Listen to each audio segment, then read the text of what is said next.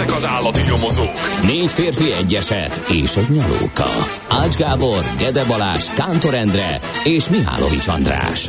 Az íróasztal mögül pedig Profit kapitány diktálja a tempót. Humor, emberi sorsok, közönséges bűnözők és pénz, pénz, pénz. Egy különleges ügyosztály, a Gazdasági Muppet Show minden hétköznap reggel a 90.9 Jazzin. De is figyelj, ne csak a bárányok hallgassanak. De miért? Ha nincs pénzed azért, ha megvan, akkor pedig azért. Millás reggeli. Szólunk és védünk.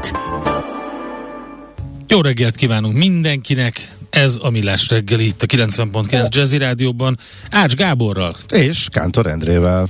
És a kedves hallgatóinkkal 0630 20 10 909 ide várunk természetesen hozzászólásokat, kommenteket, kérdéseket Viberen, Whatsappon, SMS-ben vagy e-mailben is lehet írni infokukacmillásreggeli.hu és lehet követni minket a Facebookon. Azt mondja, Lőpapa nagyon rövid üzenettel indított ma reggel. Sietett, a na hussannom kell, az sok mindent elmond a végén. Morgan Freeman kartásnak csak a copy-paste van, kátyús bit kátyús, bici és buszsáv nem túl nagy dobozos jelenléttel. Hozzáteszem kellemes fagytól messze eső hőmérsékleti viszonyokkal és, és talán szép napfelkeltével is majd 7 óra környékén, de hát ugye naponta másfél perc, akkor most már talán 7 óra előtt néhány perc, amikor följön a korong, akkor majd érdemes lesz nézni. Úgyhogy szép kellemes reggelünk van így, elsőre úgy tűnik, ó, és akkor még egy repülőgép is belement a képbe. Neked tökéletes. Tökéletes. Számomra, hogy kitekintek az ablakon. Van ilyen festményetek otthon? Nincs, nincs, de hogy is. Mo- Régen, mozdony van. régen lehet, ja mozdony van, na hát akkor nincs minden veszve. Most kéne egy ilyen naplementés vagy napfelkeltés repülőgépes is, szerintem. Régebben a jobb galériákban, amiket a különböző nagyáruházaknak a, ott az előcsarnokában lehetett találni, ott- lehetett ilyen naplementés, napfelkeltés, női sziluettes, aktos jellegű sztorikat találni, főleg olyan festőművészektől, akik így a, a neon korszakaikat élték, azokban a színekben dolgoztak, és természetesen kiszolgálva ezzel a vásárlóközönségnek az ízlésvilágát. Szerintem ott lehet, hogy lett volna egy ilyen repülős is. De nem biztos. Na, Georgina és Kolos napja van, Alfred Faustia, Faustina nap is van, és Kolozs, Severéd, Siegfried, Zsorzsett is. De a Georgina, ami egyébként a Zsorzsettnek természetesen rokon neve, tehát ők ünnepelnek ma ezen a napon, és ma van a Nemzeti Zászló napja Kanadában, hát ott aztán van minden. Most olvastam egy nagyon nagy poént, hogy egy bejegyzést a Twitteren valaki kiírta, hogy azt mondta a feleségem, hogy pakoljak be a mosogatógépbe, de nekem nem volt hozzá kedvem, ezért bementem a garázsba, és azóta benülök a kocsimba, és a dudámat nyomom. Re- reagálva Rendkívüli erre a rendkívüli helyzetre, amiről egyébként szépen lassan lehull a lepel, és derül ki, hogy ennek az egésznek milyen háttere van szervezésileg. Na, ilyen, ennyire nem merültem be. Hát Mi ilyen, derül- mi ilyen derült ki? különböző szélsőjobb és uh, mindenféle ilyen vad, vad keresztény szervezetek um, tudják így agitálni a, a népeket jól, hogy, hogy pattanjanak, ugor, ők ugorjanak. Kevesek lettek volna maguk, nem? Nem, nem, hát ez ugyanolyan, mint amikor sikerült összeverbuválni egy csomó mindenkit, hogy rohanjuk meg a kapitóliumot. Ugye egy-két politikus is kell hozzá, mondjuk adott esetben Amerikában pont az Egyesült Államok elnöke volt, Kanadában persze nem így van, de, de lehet hetszelni a népet, főleg amikor ilyen polarizált a társadalom, és, és hát sokan nem értik, hogy mi történik, vagy, vagy nem értenek egyet a- az intézkedésekkel, hát és akkor ilyenkor működik. Ja, és egyébként szeretenje is van, Szerbia nemzeti ünnepe, ne felejtsük el déli szomszédunkat mégiscsak közel van, úgyhogy ott biztos, hogy nagy buli van ma. Na hát időszámításunk előtt 399-ben volt az a nap, amikor Szókratészt halára ítélték, és az egyik leghíresebb per volt az övé. Pont eszembe jutott róla Képzeljétek el című eszméletlen jó Heller könyv, ami ugye egy ilyen többszörös csavarral rendelkezik, a súlyos adósságokkal küzdködő Rembrandt 1653-ban egy, egy gazdag szicíliai megbízásából festi a Homérosz melszobra fölött emlélkedő Arisztotelészt, aki természetesen mind megjelenik a regényben, aki a festékréteg alatt nedvesnek érzi magát, utálja a Rembrandt kapzsiságát, hogy csak azért festi le, hogy pénzhez jusson, mert ugye arról szól a Rembrandt szála végig, hogy mekkora adósságokkal küzdik a festő, és köz, közben pedig visszagondol hajdani vet, vetétársára, Platónra, aki művei főhősének, főhősének ugye Szokratészt tette meg a felforgató eszmély miatt, akit a kicsinyisen, kicsinyesen gyűlölködő aténi polgárok halára ítéltek, mert nem tudták elviselni. És tele van természetesen heleri fordulatokkal, a képzeljétek el, többek között, amikor mondja, hogy és áldozatok egy kakast Aszklépiosznak, a híres mondata uh, Szokratésznak, és akkor azt mondja, hogy ez komolyan, komolyan kiszúrásból gondolta, tehát nem azért, mert hogy uh, ez egy fontos dolog volt, ugye, hogy átsegítse a a halottak lelkit a túlvilágra, a kakas, mint egy ilyen régi szimbólum, hanem egy hanem kiszúrásból. Na mindegy, nagyon vicces könyv, aki nem olvasta, az mindenképpen olvassa. És elindult 1893-ban Budapesten a telefonhírmondó szolgáltatás Puskás Tivadar találmánya alapján a telefonhírmondó zseniális. Úgyhogy szerintem erről beszéltünk egyszer, én úgy emlékszem legalábbis, hogy hosszabban ecseteltük a telefonhírmondót, hogy mi volt, hogy működött. Lényegében így azt hiszem az MTI-nek az elődje volt ez az egész szolgáltatás, onnan indult ki valahogy ez a, hmm.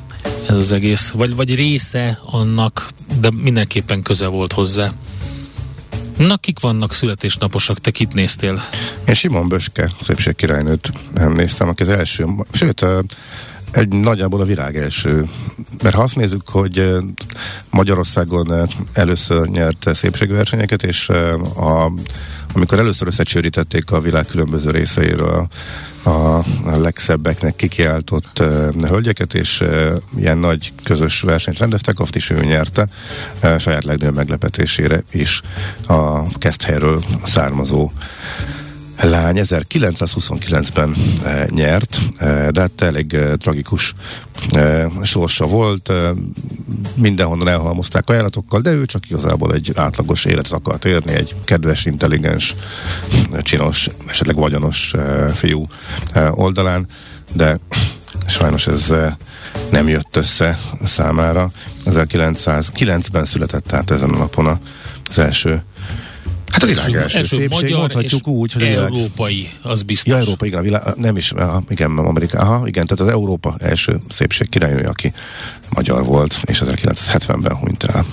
Galileo Galilei is ezen a napon született 1564-ben, 1873-ban pedig Láng Gusztáv gépészmérnök, akiről többet is érdemes olvasgatni um, elképesztő, tehát a, ő, ő gyártotta először a dízelmotorokat um, vasúti vontatásra a Láng gyárban, de hogy uh, mekkora gép gyár birodalmat épített ki, nagyon izgalmas az élete története a lánggyár Aha. és Láng Gusztávnak. Nádasdi Ádám 1947-es eh, évjáratú, neki is boldog születésnapot kívánunk, és Richter József eh, magyar artista művésznek.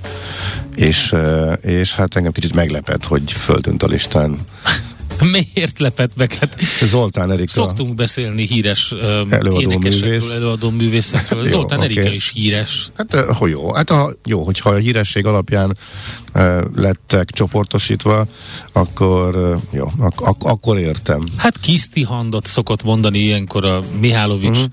gazda, talán Zoltán Erika is megérdemli. Oké. Okay. Oké, okay, oké. Okay. Ebben, ebben így megegyeztem. Van egy szomorú hír is sajnos, mégpedig az, hogy 75 éves korában elhúnyt Ivan Reitman, rendező, producer, aki karrierje legnagyobb dobását a 84-es Ghostbusters-zel alakította. A fia egyébként nagyon érdekes, és, és a Dan Aykroydnak a, a Twitter tweetjéből tudtam meg sajnos, hogy, hogy elhunyt Reitman. Ma reggel olvasgattam a Twittert, és 9 órája posztolta ki Dan Aykroyd, hogy a családnak küldi mindenképpen a gondolatait, és hogy a barátja, alkotótársa és az egyik le, utolsó nagy kreatív um, elhunyt, aki a, a, a nagy mozivászon érából uh, volt még, és hogy most csütörtökönként kit fog ő fölhívni? Tette fel a kérdést, who am I gonna call? Nagyon érdekes. Olvasgattam egy picit, azt nem is tudtam, hogy ő szlovák születésű zsidó családból származik, és a 40-es években menekültek ki Kanadába. Ivan Reitman szülei, és hát ugye azt mondta Jason Reitmanról a fia, hogy hát a 80-as éveknek a kultikus filmjeit rendeztek. Gondoljunk csak az ikrekre, vagy a szellemírtókra, de a Space Jam-et is egyébként az a 90-es években volt, de a, az Ovizsaru um, aztán, tehát rengeteg, tehát mondjuk az, hogy összerakni a, a, a Danny DeVito-t és a, a Schwarzeneggert, az már önmagában egy óriási poén volt az ikrekkel. Hát igen, a poén az még, az, igen, az szerintem a legpozitívabb. De például ott van a, a filmre az Animal megáll. House is, uh, 78-as, azt hiszem, a John Belushi-nak az egyik nagy filmje, amivel lényegében bevezette a köztudatba a Tóga partit, mint olyat, tehát ezt nekik köszönhetjük, John Belushi-nak és Ivan Reitmannak. Na mindegy, lényeg a lényeg, hogy hogy mondta a fia, hogy egy ilyen posztjában, hogy hát nagyon sok nagy filmet rendezett, meg, meg volt írt, meg volt producere, de mindenki úgy fog emlékezni rá, mint a, a Ghostbusters rendezőjére. Uh-huh. Úgyhogy Iver Reitmannak. 75 éves volt. Ez manapság ez nem egy hosszú életkor. Na, akkor menjünk is az első muzsikára, aztán utána nézzük, hogy mit írtak a lapok és persze, hogy ti is mit küldtök nekünk 0 30 20 10 9 0 9. Nézz is! Ne csak hallgass! millásreggeli.hu Na nézzük, hogy mi van a lapokban. 444.hu olvasom, hogy uh, úgy tűnik, hogy a legújabb számítások szerint nem a SpaceX, hanem a kínaiak űrszemete ütközhet a Holdnak. ugye a SpaceX uh, 2015-ben felült Falcon 9-es rakétájának hajtóműve az az űrszemét, ami márciusban a holdba csapódhat. Eddig így tudtuk. Billy Gray, az adatelemző, aki elsőként a SpaceX rakétáját azonosította forrásként, most azt mondja, hogy hibázott a számításai során. Most 80%-os magabiztossággal azt állítja, hogy valójában a kínai hold program a Chang'e 5T1 küldetése során a holdra küldött szonda hordozó rakéta egyik fokozata tart a hold felé és március 4-én csapódhat a holdba. Na, hát nem a legfontosabb információ volt nyilvánvalóan, de elkapta a tekintetemet. Infláció mindenhol egyébként, érthető módon. Minden várakozást most már hónapok óta, de meghaladnak az inflációs adatok, tehát úgy tűnik, hogy a szakértők folyamatosan alulbecslik, aztán jön a sok, amikor érkezik az inflációs adat. A világgazdaság például sokkolta az infláció régiót, még nálunk a legalacsonyabb optimistáskodik szokásos módon, hogyha rossz hírekről van szó. Ellenben a portfólió például azzal foglalkozik, hogy a, mm, hogy nálunk lenne egészen drámai az infláció, hogyha nincsenek ezek a hát mondhatjuk piaci folyamatunkba belenyúló intézkedések, tehát a rezsi költségek befagyasztása, üzemanyagárstop, élelmiszerárstop, ezek akár 2-3 százalék ponttal is fékezhetik a, az inflációt, mondjuk a kormány várakozása sai szerint, viszont a 7,9-es szám fölött, tehát nálunk is 10 százalék fölötti brutális infláció lenne, hogyha nem lennének ezek a kicsit torzító és a piaci folyamatoktól távol levő intézkedések. Hát és... aminek megvan a bőtje. Hmm, Majd beszélünk róla, reményeim szerint holnap. Hát nem, már megláttuk már, a, már mint melyik intézkedéseknek, például az árbefagyasztásnak a benzin hát és gázolaj kapcsán. Hát látszik, hogy mi történik. Hát van egy csomó benzinkút, ahol ha, maximum hatan tankolhatnak egy nap, van, ahol összesen 10 litert lehet tankolni fejenként. Hát Tolnában, nem. ugye éppen ott a te to- környéken. Tolnában ott, nagyon nagy gáz ott van. egy elég nagy területen Szedres, bezártak öcsény, a kutak, igen, igen. nincs kút, mert bezártak a kutak, igen. igen. igen, emlékszem, amikor ezt tök jól, tehát nem volt bonyolult megjósolniuk a szakértőknek, de nálunk is volt a hallgató, aki azt írta, hogy, hogy ez hülyeség, ez nem így lesz, ez csak ellenkommunikáció. Nem, ez egyszerű matek, tehát ezzel, ezzel nincs mit tenni. Hú, most nem is tudom, hol olvastam tegnap egészen konkrét számokat arról, hogy ott konkrétan Tolnában az a vállalkozás például, aki ezeket a kutakat üzemelteti, ami ott több fal, hogy jó, hogy 30-40 km-es körzetbe eltűntek így a kutak. Igen. Szexádról kell vinni a benzint, és a polgármesterek tartanak válságtanácskozást, hogy ezt hogy oldják meg. Ő egész egyszerűen kiszámolta, hogy ez mekkora nyereség kulcsal, fölvet jó nagy hitelt, 5-6 éves megtérüléssel számolt, eltelt ebből két év, majd pedig... Most 6,5 milliós mínuszban van. Igen, 6,5 milliós, a gigantikus veszteség. De ez a két hónap alatt halva volt annyi, azon kívül amennyi ugye a hitele, nem tudott más, más tenni, mint azonnal bezárni, tehát nem növelhette tovább a veszteségét. Ez tényleg egyszerű matek. Na, azt mondja, hogy még maradva az inflációnál, mert hogy a a g7.hu is egy érdekes cikket, az úgynevezett árbérspirál esélyét e, vizsgálgatják, de nem a makro oldalról, e, hanem szakszervezeti vezetőkkel, akik azt írják, hogy amikor a munkaerőhiány, eleve munkaerőhiány van, és még erre rájön az infláció, akkor nyilván e, nagyobb e, jogosultságot, meg nagyobb éremelést e, tudnak e, kiharcolni a, munká, a munkavállalók. Ez viszont felveti az árb és pirál kialakulásának a lehetőséget, ezt elemezgeti a G7 cikke, de szerintem itt az inflációnál lerak, lerakom most a pontot, mert lesz nálunk is e, téma. Ráadásul a Magyar Nemzeti Bank részéről is, a Balatoni András, akivel korábban sokat beszélgettünk, még, még nem nemzeti bankos Igen. szakiként, is majd elmondja a véleményét erről, mármint az inflációs folyamatokról, hogy látják ezt a jegybankból. Úgyhogy ez majd mikor lesz 8 után, ugye? Balaton András 8 után, így van, előtte Német Dávid, a KNH bank vezető makrogazdasági elemzője mondja el, hogy elemzői oldalról ezt az inflációt ő hogy látja. Úgyhogy ezzel sokat foglalkozunk a mai műsorban. Azt mondja, hogy akkor most uh, portfóliós cím kitaláló verseny. E, ismét akkor mondok neked egy címet, soha nem volt még vonzóba biztonságos szex, tetőzik a kíváncsiság, új trend a hálószobában. Igen, olvastam, Á, is, te azonnal, se bírtad, te se bírtad ki, És rögtön eszembe jutott, Jó? hogy uh, nagyon ritka a portfólión az ilyesmi, de annak idején a Bloombergen is a legolvasottabb cikk Igen. az volt, amikor egy férfi szexuálisan zaklatta a uh, porszívóját, és természetesen károsodást szenvedett ettől, úgyhogy vicces volt volt annak idején, hogy néha az üzleti portálok is elragadtatják magukat. Ezt a cikket egyébként Valentin napról, illetve az azt megelőző ünnepről írták, amiben egy konkrét gazdasági, Ez egy gazdasági cég. szektorról, az óvszergyártásról az van szó, és most igen. sajnos még a gyerekeket viszik az iskolába, úgyhogy ne erről beszéljünk. E, jó, a lényeg az, hogy a Nemzetközi Óvszernap Japán na, kapcsán, akit érdekel a piacnak a koncentrációja, illetve a trendjei, akkor ebben a cikkben találnak erről hasznos információkat. Oké, okay. hát figyelj, nem tudok most semmi olyat még, amit, amivel nem fogunk foglalkozni,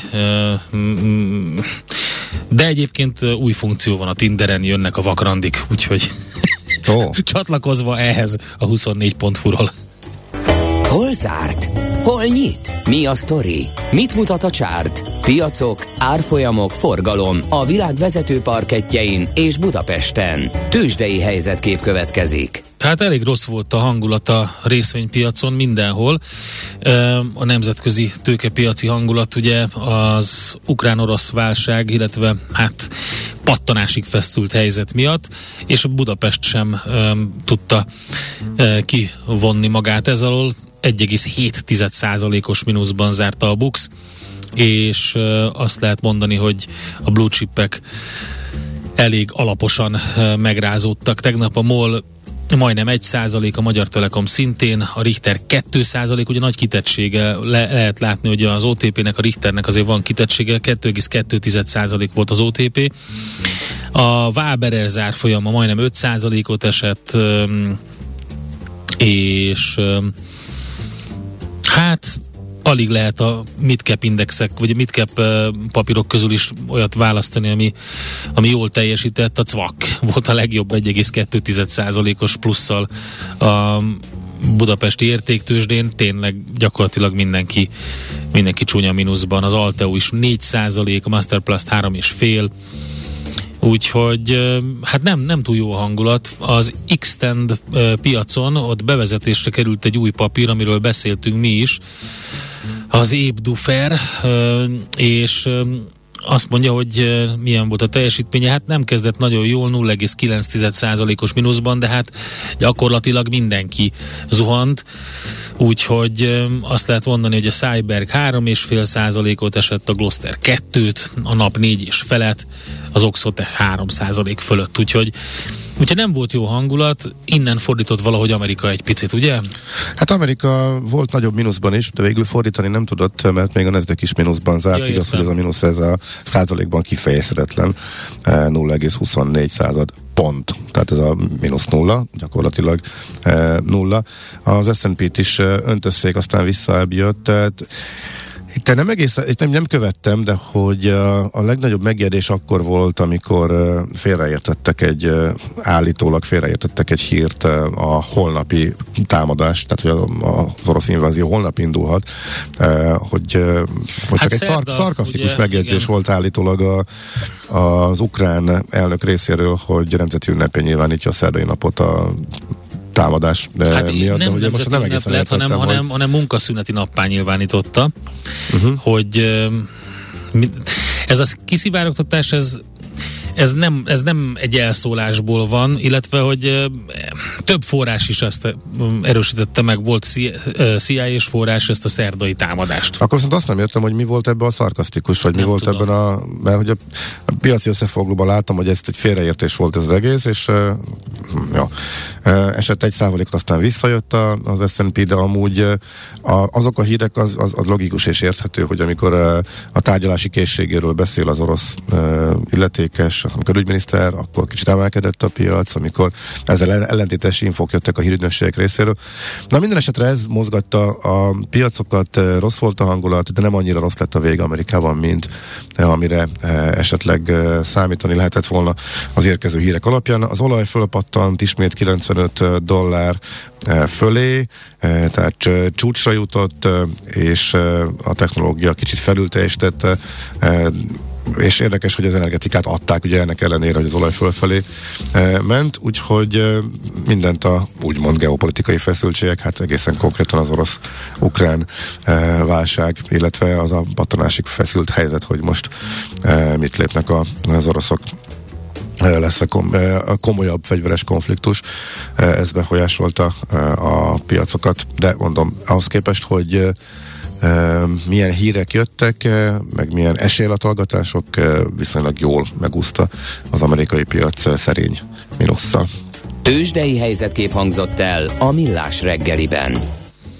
0630 20 10 909, ide lehet nekünk írni. Um, nem tudom egyébként így vissza um, fejtve, hogy mire gondoltak így a szarkazmusban. Ugye az történt, hogy a CIA um, nyilatkozta azt, hogy, hogy tehát ők, ők szivárogtatták ki lényegében ezt uh-huh. a mhm. február 16-ai dátumot. Igen, az sok kritika érte, támadást, sok kritika érte, tehát vannak, vannak olyan, hogyha, hogyha ránézel, akkor nagyon sokan ilyen röhelynek tartják, de azért elég komoly médiumok, többek között a Spiegel is foglalkozott vele hosszan és elemzésekben, hogy miért szivárogtatták ezt ki, ez is egy taktika-e, vagy pedig, vagy pedig tényleg megszereztek valamit, információt erre volt az a, talán ez volt a szarkasztikus válasz, hogy munkaszüneti nappá nyilvánították um, Aha. a, do- a dolgozóknak ne dolgozni kelljen menni, otthon lehessenek, hogyha végül is tényleg történik valami Hát ezért nem áll össze, hogy az amerikai nagykövetséget is nyugatabbra telepítették Igen. Kievből,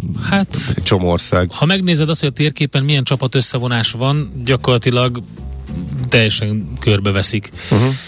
Na mindegy. Uh... Kérdés, hogy igen, hogy valamit el akarnak ezzel érni fenyegetés, vagy pedig tényleg meg is valósítják ez a, ugye ezt nem tudja per pillanat senki, ott olyan hír is, hogy lényegében leáll a légiforgalom, ezt én nem láttam legalábbis ugye a Magyarországról induló járatok azok továbbra is ott vannak meghirdetve, de hát nyilván ez változhat.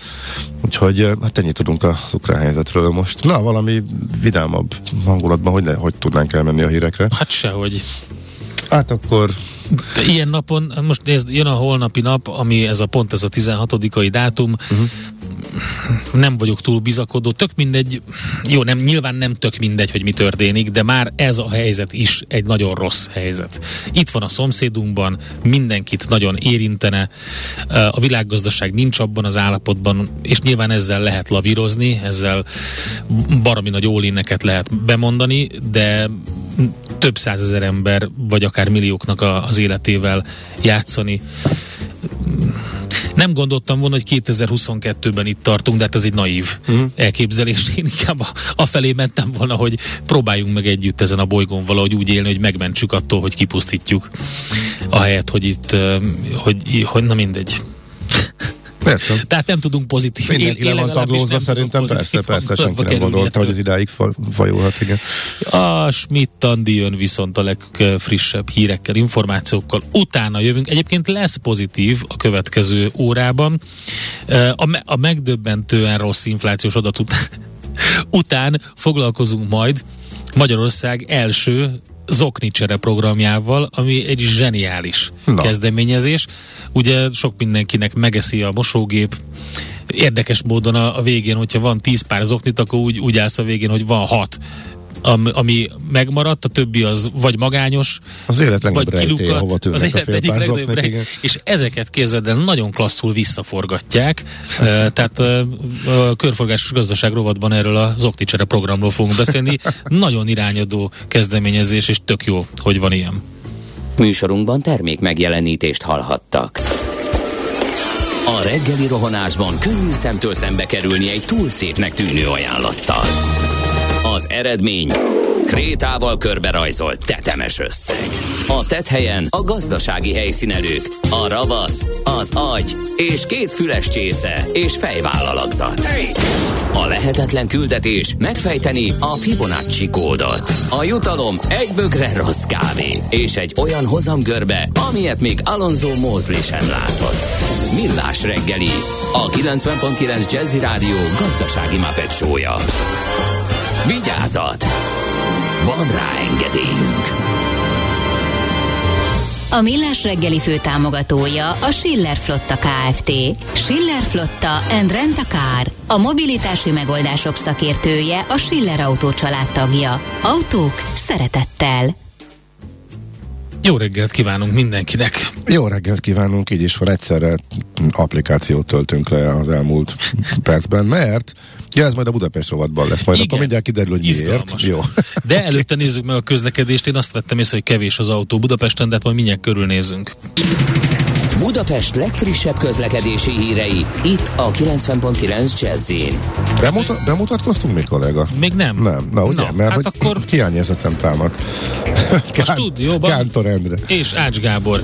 És Baleset van a Jászberényi úton, a felüljáró közelében nehezíti a közlekedést, ott a Lángvirág utca előtt, és egy műszaki hibás autó van a Soroksári úton befelé a Kvassai Jenő út előtt. Ezeket kaptuk.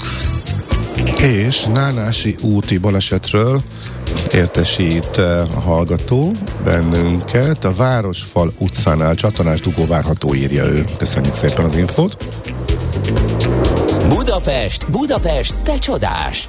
Hírek, információk, érdekességek, események Budapestről és környékéről. Igen, szóval elérhető a Budapest Go alkalmazás, amit uh, már ugye a múlt héten is átbeszéltünk itt a BKK illetékeseivel, illetve hogy mit tud majd. Úgy tűnik egyébként elsőre nekem legalábbis, hogy egy szép letisztult alkalmazást kapunk viszonylag egyszerű uh, kezelhetőséggel. Uh, rögtön, ahol ha, ha én mondjuk úgy szoktam beállítani, hogy uh, az alkalmazás közben használhatja a helyedataimat, um, Igen. akkor rögtön mutatja, hogy Még például itt a Fillér utcánál busz. látom a buszokat, hogy jönnek föl a 149-es buszok, de ha jól látom, hogyha járatokra kattintok, akkor látom a 149-est, mert ugye ez közel van, a közeli megállókat, és hát meg tudom tervezni az utazásomat, és a legfontosabb ugye ez a jegyvásárlás funkció, legalábbis számomra, hogy egy egyszerű e, módon működjön, különböző bérletet, eseti jegyet, napi és heti jegyet lehet vásárolni, ami az nagyon fontos, ugye, hogy 24 órás, 72 órás és heti jegy váltható, hogyha jól látom, uh, ami azt jelenti, hogy akkor még nincsen uh, napi jegy vagy illetve nincsen e- egy alkalmas jegy. De azt jelentették be, hogy az van, illetve rögtön az elején ott lesz, úgyhogy még ezt jobban megnézzük, ezt most a hírek alatt töltöttük Várjál csak az eseti jegyek, de itt hogy- van a vonaljegy, meg Mhm, is Ott van. kell lennie, mert hogy ez külön Mhm. benne volt a Igen. tegnapi bejelentés, Van sima vonaljegy és reptéri vonaljegy is külön. Igen, tehát elvileg ez a nagy frissítés, eh, megújulás, rengeteg új funkcióval, és tényleg mostantól a tervezés, illetve a kivitelezés, tehát a jegyvétel is akár egy szám mobiltelefonnal a zsebünkbe eh, elvégezhető, ez működik, úgyhogy érdemes majd tesztelni, majd mi is még ezeket Igen. a funkciókat eh, kipróbáljuk, főleg a jegyvétel, meg azzal az utazás, hogy eh, megy eh, az új BK Budapest Go alkalmazásra, úgyhogy majd erre akkor vissza fogunk térni. A lényeg az, hogy múlt héten részletesen beszéltünk a BKK eh, szóvivőjével, ki mondta, hogy néhány nap türelmet kérnek még a tesztelés utolsó fázis. Tegnap bejelentették, hogy elkezdték a feltöltést, és most már tényleg nekünk is itt van, kipróbáltuk, működik, le lehet tölteni, és el lehet tesztelni az alkalmazást. Aztán... Nagyon izgalmas, megötszöröződött a kerékbilincselések száma Budapesten, az ingyenes várakozás lehetősége nagyon meglátszott azon is, hogy az autósok megpróbáltak szinte mindenhol parkolni, míg Aha, igen, én meg is lepődtem, mert az utolsó infó nekem az volt, hogy mintha ezt megszüntették volna, azt mondták, hogy nincs több uh-huh. kerékbilincselés. Ehhez képest volt a növekedés, tehát már volt bázis. Igen. Na most visszajött. Ha jól értem, akkor a pont a ingyenes parkoláshoz kapcsolódóan hozták vissza, amikor a járvány miatt behozták még uh, 20-ban, és a 20-hoz képest 21-ben volt ez a brutális növekedés, tehát 259 ez a ez a 20-as adat, uh-huh. és 2021-ben már 1200, uh, majdnem 30 eset volt. A Föri egyévi, elmúlt Mhm. Igen. egyévi statisztikájából derül ki, ugye ez a fővárosi rendészeti igazgatóság. A vezes.hu kérésére adták ki ezt az adatot, és a magyarázat pedig eh, valóban az, hogy eh, annyira jó volt már a parkolási helyzet Budapesten, hogy nem volt rá szükség. Uh-huh. Viszont eh, amikor bejött az ingyenes parkolás, és lehetetlen volt megállni a városban, akkor meg olyan káosz és katasztrófa lett, hogy ekkor visszahozták, és ez folytatódott, és ebből lett a jó nagy növekedés, és 1227 bés. A kerék bilincsek leszereléséből, az elszállított autók visszaadásából 80 millió forintot szedtek be tavaly, ennyit hagytak tehát ott azok, akik nem úgy parkoltak, ahogy kellett volna. Azt mondja, hogy jaj, igen, van egy csomó izgalmas ö, kezdeményezés is, például a háztartási hulladék égetése. Ezzel kapcsolatban újra kampányol, most együtt a Budapest főváros önkormányzata, a budapesti közművek, a levegő munkacsoport és a Humusz Szövetség, hogy erre a problémára ismételten felhívják a figyelmet. Ne éges címmel közös felvilágosító kampányt indítottak, és hisznek benne, hogy a megfelelő tájékoztatás és a kellő odafigyelés mellett mindez megelőzhető mert hogy itt mindent, műanyag palackot, csomagolóanyagot, PVC padló darabokat, bútorlapot, textil vagy vegyes összetételű hulladékot, ezt dobálják a tűzre többen is borzasztó és maradandó károsodást, egészségügyi károsodást okozva ezzel akár a születendő gyermeknek, akár a gyerekeknek, akár maguknak. Úgyhogy... Érdekes, hogy ebből Budapest van benne pont, hát a Budapestre a legkevésbé jellemző ez. Nem, mert ugye Budapestben benne van az agglomeráció is, és hogyha csak arra gondolsz bele, hogy mondjuk a kertvárosokban mi történik, hát a legtöbb, legtöbb ilyen, vagy a Budapesthez szorosan köthető alvóvárosoknál borzasztó rossz a levegő néhol. Aha. Úgyhogy hm, jó. igen, nagyon-nagyon figyelni kell. Úgyhogy ne éges ez a kampánynak a címe. És van még egy hír, Ja igen, hát ezt neked raktam, hát kigördült az első hidrogénes busz Budapesten. Mit szólsz hozzá? Hát semmi. Zöld jövő. Örülök. Volt egy, volt egy másik ilyen mondat, az nem így volt, de majdnem. De mindegy, szóval, hogy maga a kút, a hidrogén kút is kísérleti, akár csak uh-huh. a hidrogénes busz próbaüzeme. Annyi különbsége ugye, hogy uh, tankolni nem tankolhat bárki, viszont a buszra bárki felszállhat. És uh, ez a zöld busz program a Solaris hidrogénes buszt um, hozta. Budapest és Vecsés között Igen. közlekedik, ott lehet kipróbálni. Nekünk a Gellért hegy a Himalája. A millás reggeli fővárossal és környékével foglalkozó rovata hangzott el. Gyors közlekedési info, illetve hozzászólása az előbbiekhez. M5-ös bevezetőn van jelentős torlódás, köszönjük Jazzy Jamesnek az információt, és kiegészítés a kerékbilincs témához. A hetedik kerületben jellemző az Ákos szerint akkor, hogyha a helyieknek fenntartott új helyekre áll be valaki, és itt már a bírság, mint olyannak is csomaggal ki is marad, hanem egyből kerékbilincselés. Na most ezek után érdekelne, hogy ez mondjuk a hetedik kerület hány százalékát adja az összes budapesti esetnek, hogy ez mondjuk kimondottan ott van, vagy máshol is. Úgyhogy bárkinek ezzel kapcsolatban van plusz info, azt is szeretettel várjuk. Az önkritika az út felfelé. Millás reggeli. Hát döbbenetesen rossz inflációs adat érkezett, most már a Magyar Nemzeti Banknak is lépnie kell a legtöbb elemző szerint. Ugye folyamatosan kellemetlen meglepetést okoznak az inflációs adatok, de a pénteken közölt januári 7,9%-os áremelkedés után egyre többen gondolják úgy az elemzők közül, hogy most már gázra kell lépnie a Magyar Nemzeti Banknak, mert hogy a kamatemeléseket nem fogja tudni lezárni. De hát, hogy hol rontotta el a jegybank, meg hogy milyen globálisan és specifikusan hazai folyamatok hatnak a pénzromlás mértékére, ezt fogjuk megbeszélni német Dávid Dalakánthá bank vezető makrogazdasági elemzőjével. Szervusz, jó reggelt! Jó reggelt kívánok, sziasztok! Mit, lát, mit, mit mondtál magadban, amikor megláttad a pénteki adatot, a 7,9%-ot? Hát két dolgot, hogy húha, itt durván elszálltak a folyamatok. A másik az, amikor így bemegyek a boltba, hogy, hogy csak ennyit mutat ki. A statisztikai hivatal, hogy ezeket mi így az emberek benn és bennem is körvonalazódik, hiszen azért az élelmiszer árak esetében elég brutális, egyébként havi szinten ott a KSH is elég sokat kimutatott, 3%-kal nőttek havi szinten csak az élelmiszer árak. Ez minden hónapban így lenne, akkor egy év alatt már több mint 30%-os növekedéshez jutnánk élelmiszerek esetében. Hát ez érdekes, úgy, amit mondasz, mert a, a, az ilyen érzékelhető inflációt ugye úgy mérték ki, hogy, hogy meg, megkérdeztek reprezentatív mintán a lakosságot, ott olyan 26 százalék is volt, azt hiszem, 16 és vala, és vala 20 százalék, bocs, 16 és 20 százalék között volt az érzékelhető igen. infláció.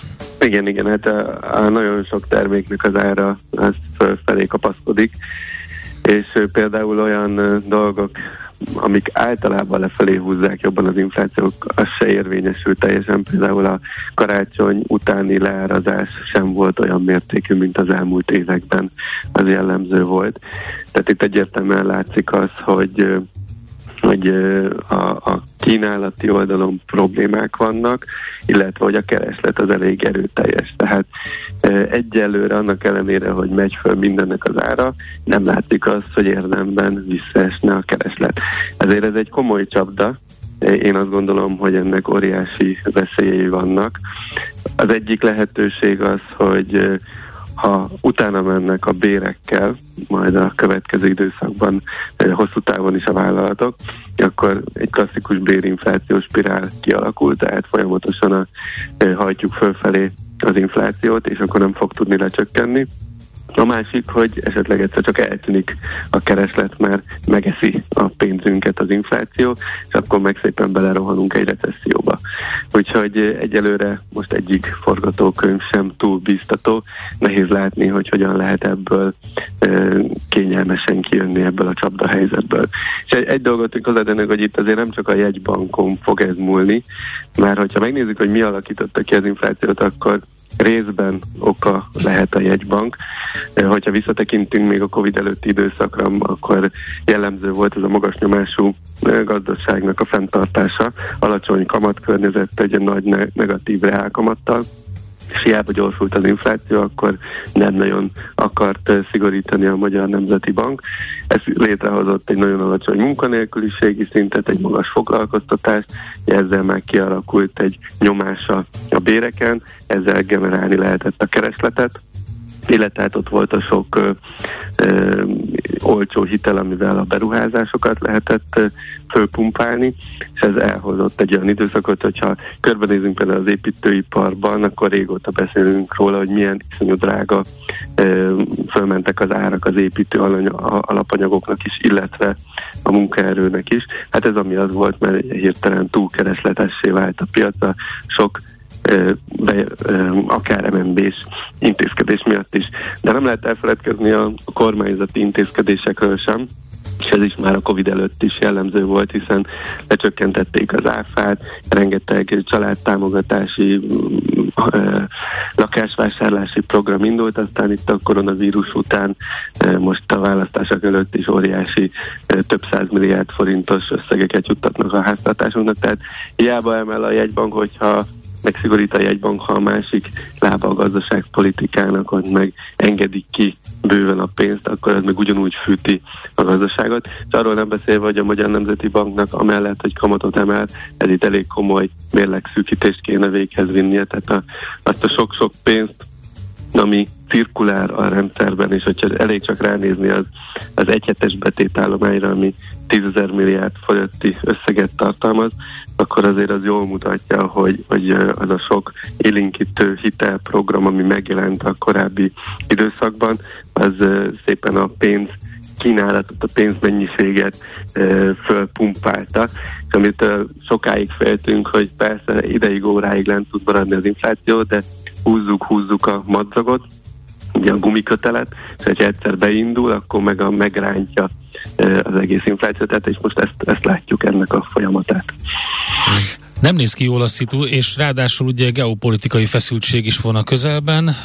Az üzemanyag stopp is ugye hat mindenféleképpen, ahogy említetted. Oké, okay, a jegybank csapda helyzetben van. Akkor, ha nem csak rajta múlik, nyilvánvalóan ők azok, akik, akik hatékonyan megpróbálhatnak tenni ellene valamit. Itt vannak ezek a kamatemelések. Hát igen, ők, ők az egyiket, ők hivatalosan ez a szerepük, hogy megfogják a pénzromlás ütemét. Egyébként, ha kiszednénk az üzemanyagárstoppot, az körülbelül egy ilyen 0,5% ponttal emelné még az inflációt, tehát akkor már ilyen 8,3-8,4 uh-huh. környékén lennénk. Hogyha nem lenne a, a lakossági energiaár befagyasztás, az még egy olyan egy kötőjel másfél százalék pontot adna hozzá az inflációhoz. Hát ezt látjuk a régióban, például a cseheknél tegnap a 9,9 százalékos infláció mögött elég nagy szerepet játszott, hogy ott nincsen a lakosság esetében befogyasztva a lakossági ár, energiaár. Ha azt is hozzáadnánk, akkor már mi is ott lennénk 9,5% hát környékén, 10 körül. Tehát eh, ami miatt mi most alacsonyabban tudunk lenni, eh, például a régióhoz képest az, az ezek a kormányzati intézkedések, Úgyhogy végül is ezen a fronton próbálják valamennyire eh, ők fékezni az inflációt.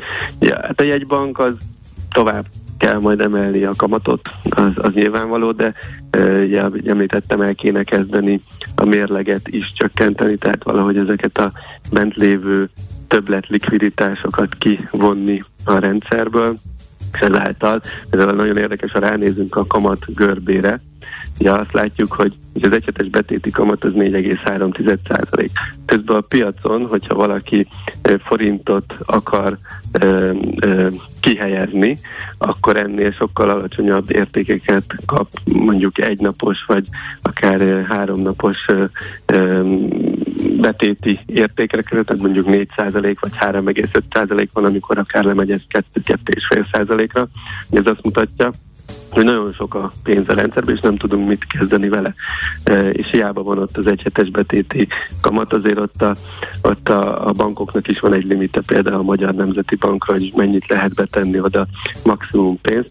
Úgyhogy ez, ez mind azt mutatja, hogy, hogy nagyon sok a pénz, úgyhogy ezt el kéne kezdeni majd csökkenteni. Mm és erre is kellenek programok a Magyar Nemzeti Bankról, banktól, arról nem beszélve, hogy a nagy mérleggel nagy hiányt is fog termelni a Magyar Nemzeti Bank, hiszen a magas kamatot erre a sok kint levő pénzre ki kell fizetni, ugye ezt ilyen stabilizációs költségeknek is hívjuk, és akkor ezáltal majd egyre inkább nő a, a jegybanknak a a vesztesége, amit majd hát idővel a kormánynak pedig ki kell pótolnia. Aha.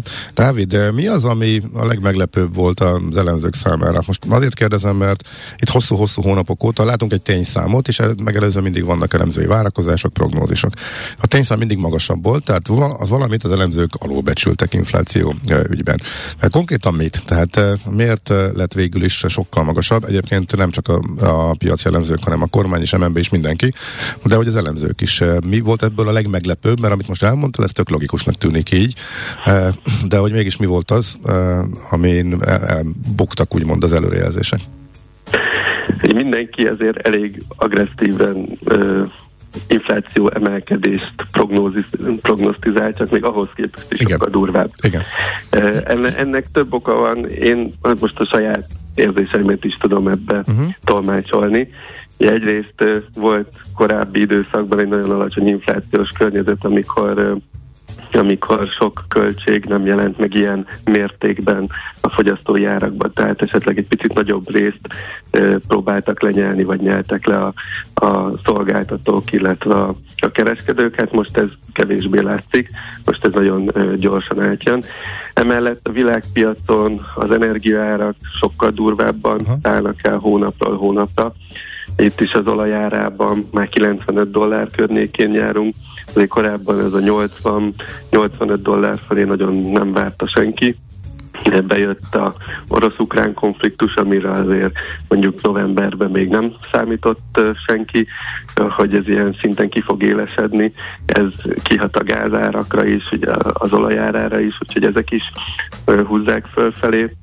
Hát emellett azt se tudjuk pontosan, hogy mikor milyen újabb Covid hullám jön, emiatt milyen lezárások vannak mondjuk Kínában a termelésben, és akkor hogyan jönnek az alapanyagok. Azokat lehetett érezni, hogy ezek gyorsan nem fognak helyreállni, tehát tartósabban velünk marad az infláció, de hogy, hogy ilyen mérték ben fognak emelkedni a nyersanyagáraktól kezdve. Itt például, hogyha megnézzük a mezőgazdasági árakat, az olajos magvak vagy gabonafélék, ilyen 25-30 százalékos árnövekedéseket látunk. Tehát ezek is olyan dolgok, amiket az elmúlt 6-8 évben nem tapasztaltunk, és ezek mind akkor hirtelen beépülnek az inflációba, és ezek sorra hozzák az újabb és újabb meglepetéseket. Uh-huh. Oké. Okay. Hát izgalmas a szitu. Köszönjük szépen. 8 óra után Balatoni Andrással fogunk beszélgetni az MNB igazgatójával. Mit tud tenni a jegybank a brutális infláció megfékezésének érdekében? Neki is feltesszük ezt a kérdést, úgyhogy ezt a témát folytatjuk. Dávid, neked jó munkát, szép napot. Köszönjük a szakértést. Köszönöm, Köszönöm szépen, szép napot kívánok én is. Sziasztok! Német Dáviddal, a KNT Bank vezető makrogazdasági elemzőjével beszélgettünk. Jön Schmidt Andi a legfrissebb hírekkel, információkkal, aztán jövünk vissza. Többek között három R rovatunkban megnézzük ezt a magyarországi első zoknicsere programot, hogy ez micsoda. Műsorunkban termék megjelenítést hallhattak. Ezt tudtad? A Millás reggelit nem csak hallgatni, nézni is lehet. Millásreggeli.hu Benne vagyunk a tévében. 3R, vagyis Reduce, Reuse, Recycle. Csökkentünk, újra használunk, újra hasznosítunk. Cél a Zero Waste. Semmit se küldjünk hulladék lerakóba. Ne pazaroljuk az energiát. Legyen a ma terméke a jövő alapanyaga. 3R, a millás reggeli körforgásos gazdaság rovata következik. Hát egy tökéletes példa arra, hogy mi az a körforgásos gazdaság, és hogy lehet egyáltalán um, újra felhasználni, újra hasznosítani valamit, de már 8 éve működik ez, mert hogy 8 éves lesz idén Magyarország első Zoknicsere programja. Hogy ez micsoda, és hogy miért volt rá szükség, arról beszélgetünk az Zoknicsere program alapítójával, Csányi Zoltánnal, aki itt van velünk a vonalban. Szervusz, jó reggelt! Jó reggelt, szervusztok! Na, hát ugye szerintem a mosógép megette jellegű történettel mindenki találkozik, amikor értetlenül áll előtte, hogy miért van neki csak egy pár bizonyos zoknikból, és hol lehet a többi. Igen, hát ezek a fránya zoknimanók, ezek mindig eltüntetnek, eltüntetik a legszebb zokninak az egyik párját, vagy a mosógép megeszi valóban, és tényleg nem lehet megtalálni, hogy hol van, és akkor ez ugye való oldalra kerül a fiókba aztán kiukad az egyik pár, vagy valami olyasmi történik vele, ami nem használhatóvá teszi, és akkor így jött gondolom azt, hogy valamit kéne ezekkel kezdeni.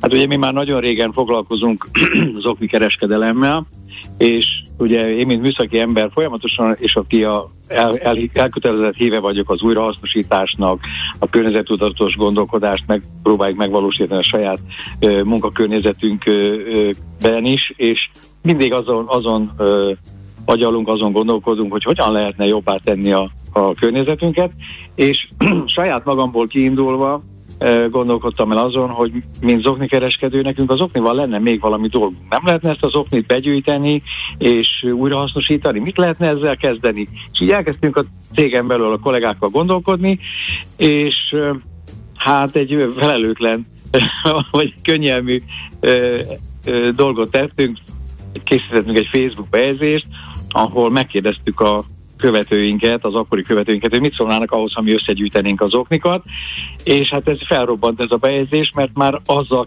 azt kérdezték vissza, hogy oké, okay, mikor rendben van, nagyon jó, szuper, hova küldjük? Hova lehet küldjük? vinni? Mármint ez, ez volt 8 évvel ezelőtt az induláskor, arról beszélünk? Igen, ez Aha. volt, bocsánat, Mm. Igen, ez volt 8 évvel ezelőtt, és ez így berobbant ez a történet. Innentől kezdve világos volt, hogy nincs visszaút. Kiengedtük a szellemet a palacból, nekünk ez innentől kezdve feladatunk lesz, és akkor kezdtük az egészet egyáltalán megszervezni, egyáltalán keresni olyan céget Magyarországon, aki tényleg tud textilt újrahasznosítani, fel tudja ezt dolgozni, tud ezzel kezdeni valamit, mert ugye mi mind kereskedők, ez, ez jó fejségből ezt összegyűjtsük, igen, és, ezt, és, és de mi lesz a sorsa, tehát hogyan uh-huh. tovább. Hát ugye nem volt azért teljesen zökkenőmentes a folytatás, mert ugye több ilyen céget is felkerestünk az országba, és hát elég furcsának találták az ötletünket, hogy na de mégis hát az oknit most hogy meg feldolgozva. Tehát mondtuk, hogy ezt mindenki, ezt gondos háziasszonyok fogják gyűjteni a családokba, és ez kimosott, páratlan, lyukas, már nem használható zoknik lesznek, és akkor ezeket valahogy mégiscsak fel lehetne dolgozni.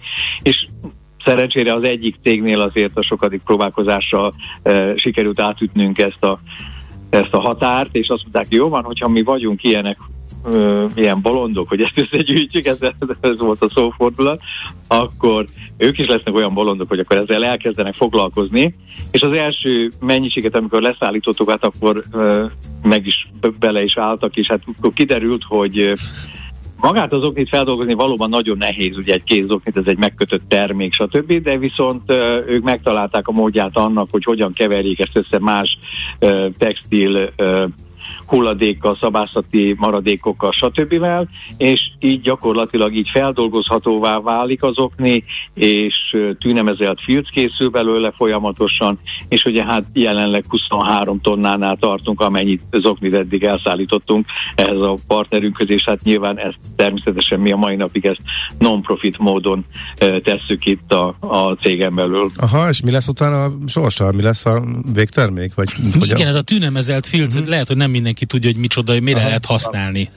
Igen. Hát ugye gyakorlatilag az okni, amikor bekerül erre a futószalagra, akkor ugye elemi szálaira ö, tépik egy ilyen, mondjuk úgy egy talán egy darálóhoz hasonlítható valamilyen nagy, nagy uh-huh. eszközön, utána ezeket ugye a kártolásnak nevezik, tehát szálaira, szá, irányba rakják valamennyire a szálakat, és aztán ezt elkezdik ö, ö, finomítani, finomítani, préselni, és egy ilyen 5 mm vastag ö, a mm, tűnnemezelt filc készül belőle, ez pedig ugye egyszer a bútoripar ö, használja a kárpitos ö, termékek ö, alatt, csőszerelők használják, és legújabban pedig ö, festők, szobafestők és mázolók használják olyan formában, hogy ezt terítik le, amikor egy felvonulnak egy új munkaterületre, akkor a munkaterületet ezt ezzel lefedik, ezzel a tűnemezelt filccel, aminek az aljára húznak egy fóliát, és akkor ezen tudnak menni a létrával, ide lecseppen a festék, ezt ugye szintén ezt is újra tudják hasznosítani, nem kell úgy kidobni, mint a fóliát, mert ez könnyen feltekerhető utána, és, és tudják vinni a következő helyszíre, és így sokáig tudják, még csak meg nem telik teljes mértékben ez a filc festékkel, addig ezt folyamatosan tudják használni. Na, ha ilyet számos... látok legközelebb, akkor emlékezni fogok Réi kedvenc zoknielmira, úgyhogy... A pandémia előtt mi is meglepő helyen találkoztunk vele, ugyanis ez egy magyarországi exporttermék, tehát hogyha ilyen viccesen szeretnénk mondani, mondhatnánk, hogy a magyar használt lyukas zoknik azok a, azokat a németországi festők használják nagy előszeretettel, ugyanis az, ennek a terméknek a nagy része az exportra megy Németországba, Aha. És Düsseldorfban voltunk két éve kiállításon, közvetlen a pandémia előtt még volt egy ilyen divat kiállítás, ahol mi megjelentünk, és a szállodába, ahol e, voltunk, elszállásról voltunk, a szomszédos épületet éppen festették, és így benéztünk az ablakon, és azt láttuk, hogy a a, hazai Magyarországi tűnemezelt filccel van beborítva minden, le is fotóztuk gyorsan, és küldtük kollégáknak, hogy itt van a szomszédos helyiségben a, a magyar zoknik itt vannak, és ott taposnak Nagyon klassz egyébként ez az egész program. Önmagában már az Oknicsere közösség a Facebookon meg lehet találni facebook.com per zoknicsere, vagy pedig az oknicsere.hu-n, de ha megnézzük a logót, tök jó ez az újrahasznosítás, az egyik ilyen zöld nyilacska helyett egy zokni van, de hogy látom ezeket az adatokat, hogy van ez a 23 tonna, illetve ez a majdnem 3200 család éves vízfelhasználással lett megtakarítva. Szóval ezért ezek elég komoly eredmények. Igen, hát ugye gyakorlatilag ugye ehhez a tűnemezelt filchez és egyebekhez ugye a, a, a felhasználási területeken, amikre fel lehet használni a tűnemezelt filcet, ha nem használnák az oknit is, akkor ugye valamilyen olyan anyagot kellene oda, oda tenni, amihez ö, víz vízre is szükség lenne, ugyanis köztudott, hogy a textilipar még az a mai, mai napokig is az egyik egyik legszennyezőbb között van, magas vízigé, magas a vízigénye a feldolgozásnak, hogy a pamut feldolgozásához ugye sokfelé lehet olvasni arról, hogy ugye... Hát igen, a víz, festékek, ipari gépek, stb. és utána pedig nem bomlik le a pamut, a pamut, a, hát a pamut az lebomlik, csak a műszálak nem. Uh-huh. Viszont a műszálakat meg könnyű újrahasznosítani, a pamutot sokkal nehezebb újrahasznosítani, azt is lehet, de az sokkal nehezebb. Uh-huh. Tehát gyakorlatilag ugye a vízfelhasz, vízfelhasználás az az, ami, az, az, az, ami érzékelhető, hogy ugye ekkora mennyiségű anyag feldolgozásával ennyi vizet nem kell, ugyanis ez teljesen száraz technológiával ö, dolgozzák fel ezt a, a használt zoknikat. Uh-huh, és okay. Uh-huh, egy nagyon fontos gyakorlati kérdés még, hogyha valaki most halva ezt a beszélgetést kiüríteni a félpárzoknis, lyukasdoknis szekrényét, hogy hol teheti meg, hol gyűjtitek, hogy lehet eljuttatni a programba a Hát ugye az elmúlt 8 év alatt azért sokfele megmozdultunk, ugye beszerveztük az iskolákat is, hogy az iskolák nagyon hálásak azért, mert hogy a papírgyűjtéshez hasonlóan akkor zoknikat is lehet gyűjteni, a gyerekek imádják ezeket ezek az oknicsere gyűjtősek, ezek mindig nagy, nagy helyszíni élmények a gyerekek számára. Egyébként Szeged, Szegeden tudjuk fogadni a Dressa raktárában a, oda, ide lehet hozzánk elküldeni, ugyanis itt a munkatársaink, a, akik a használt zoknik gondozóiként apostrofálják magukat, itt tudják fogadni, akár személyesen, akár, akár postán.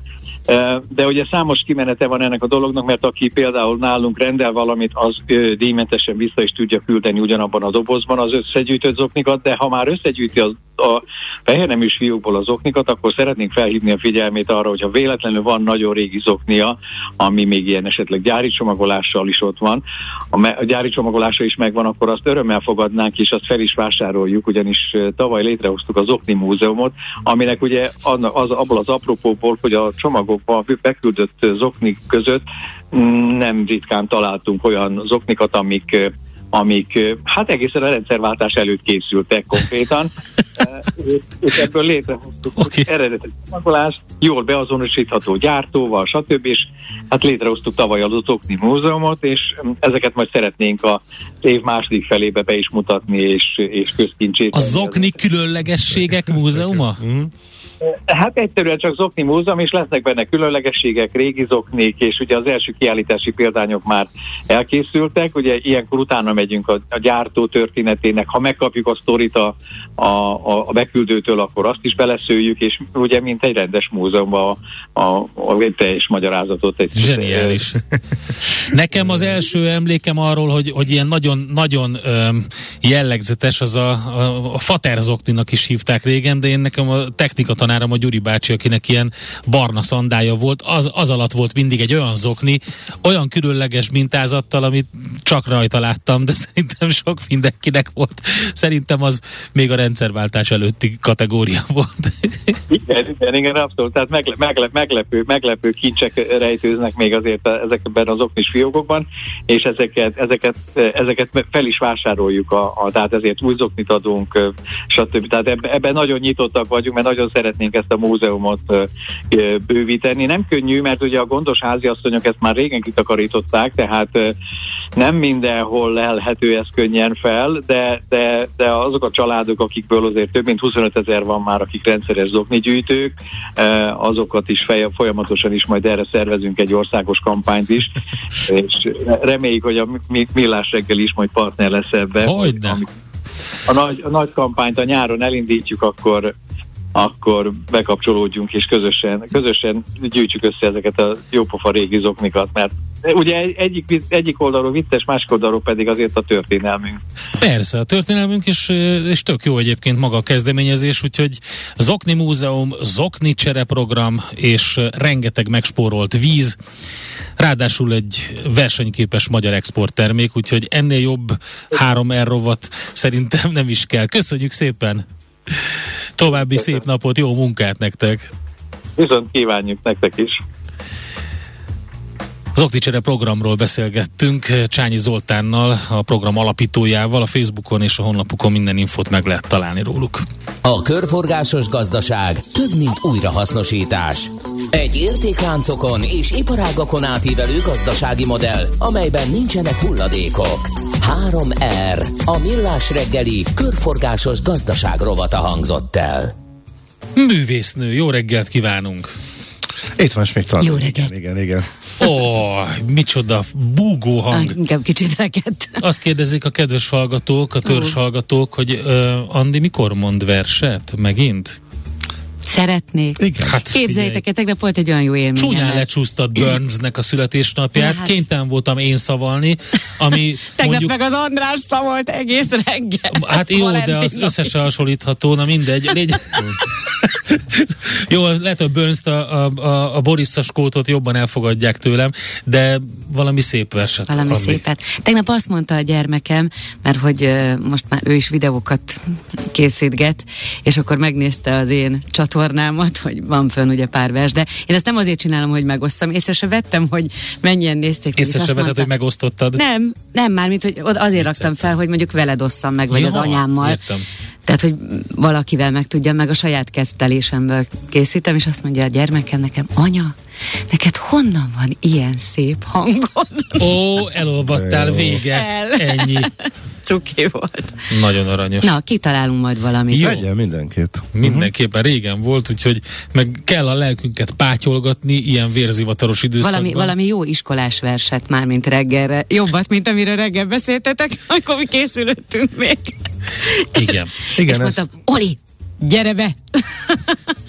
Igen, ezt vagy ellensúlyozni kell talán mindenkinek. Aha, egy kis uh, Figyelt, pozitív. figyelt, nagyon figyelt. Csönd volt. Figyelt, igen? Igen. Hát jó. A Gábor szemelte ki azt az információt, de a portfólióról, úgyhogy Úgyhogy az mehet. igen. Hogyne. Na jó. Jó, de most jöjjenek, Jöjjenek a hírek, aztán utána pedig eh, Balatoni András, a Magyar Nemzeti Bank igazgatója lesz itt velünk adásban. Mit tud tenni a jegybank a brutális infláció megfékezésének érdekében? Ez tehát a kérdésünk. Műsorunkban termék megjelenítést hallhattak. Hé, hey, te mit nézel? Nem tudtad? A Millás reggelit nem csak hallgatni, nézni is lehet. Millásreggeli.hu Nézzünk, mint a moziban!